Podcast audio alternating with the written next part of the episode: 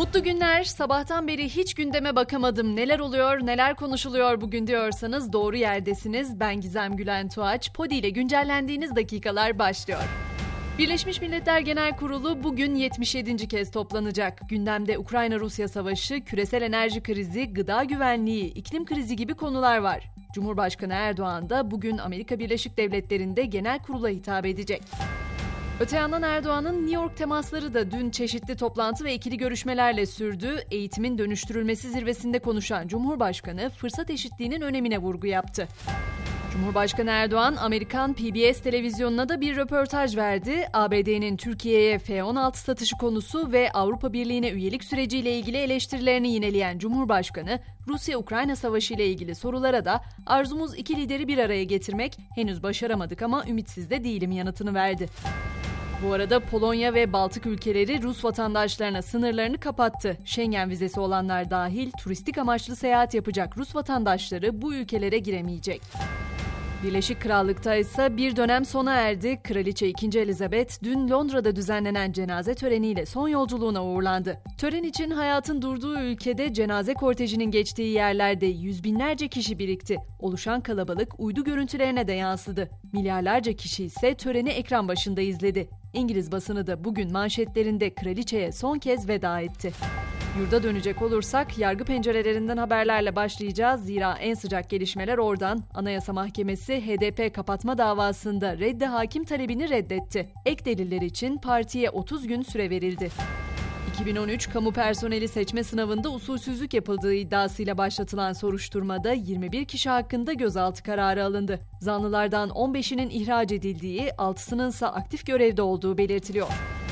Düne dönecek olursak hatırlayacaksınız İstanbul'da iki kişiyi öldürüp iki polise de ateş açıp yaralayan bir saldırgan vardı. İşte o saldırgan yakalandı. Katil zanlısı ilk sorgusunda yaptıklarının hepsini inkar etti. Henüz ehliyet almamış olanlar için de bir haber verelim. Ehliyet eğitiminde zira yeni bir dönem başlıyor. Artık sertifika ayrımı yapılmaksızın sürücü adaylarına emniyet kemeri simülasyon eğitimi verilecek. Malum doğal gaz konusu son günlerin çokça tartışılan, çokça konuşulan konularından Karadeniz gazını karaya taşıyacak 170 kilometrelik boru hattının 140 kilometresinin tamamlandığı açıklandı. İlk gaz akışının ise Mart ayı içerisinde yapılması planlanıyor. Avrupa Birliği ülkelerinde ise enerji krizi ve tahıl tedarikinde aksamalar devam ediyor. Almanya'da yaşanan elektrikli ısıtıcılara izdihamdan ve buna bağlı olarak gelen zamlardan sonra ekmeğe de ortalama %18 zam geldi.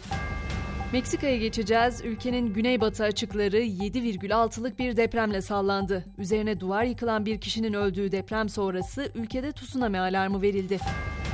İran sokaklarında ise günlerdir protestolar var. Nedeni 22 yaşındaki Mahsa Amini'nin şüpheli ölümü. Genç kadın başörtüsü kurallarına uygun örtünmediği gerekçesiyle ahlak polisi tarafından gözaltına alınmış, gözaltı merkezinde de hayatını kaybetmişti. Özellikle üniversite öğrencilerinin başı çektiği gruplar yine protesto gösterisi düzenledi.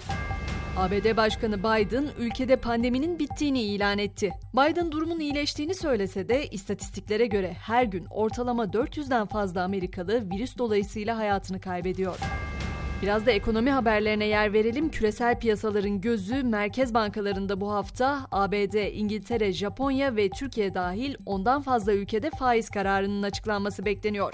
İlk olarak Çin faiz kararını açıkladı ve değişikliğe gitmedi. Sırada yarın FED, Perşembe günü ise Türkiye Cumhuriyet Merkez Bankası faiz kararlarını duyuracak.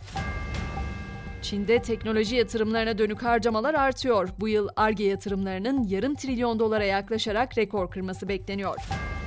Apple ise yeni çıkan modeli iPhone 14'ün ardından iPhone 14'ün tamir ücretlerini açıkladı. Yapılacak işlemin büyüklüğüne ve modele göre değişen fiyatlar 19.500 liraya kadar çıkıyor. Hollywood'dan da haber verelim. Amerikalı ünlü oyuncu Brad Pitt heykeltıraş oldu. Brad Pitt heykeltıraş kimliğiyle ilk kez Finlandiya'daki Sarah Hilden Sanat Müzesi'nde ilk eserlerini görücüye çıkardı. Ve noktalarken spora da yer verelim. A milli futbol takımımız UEFA Uluslar C Ligi'ni oynayacağı iki maçla tamamlayacak. Perşembe günü ilk rakip Lüksemburg. Bu maçta alınacak bir puan bile millileri B Ligi'ne yükseltecek.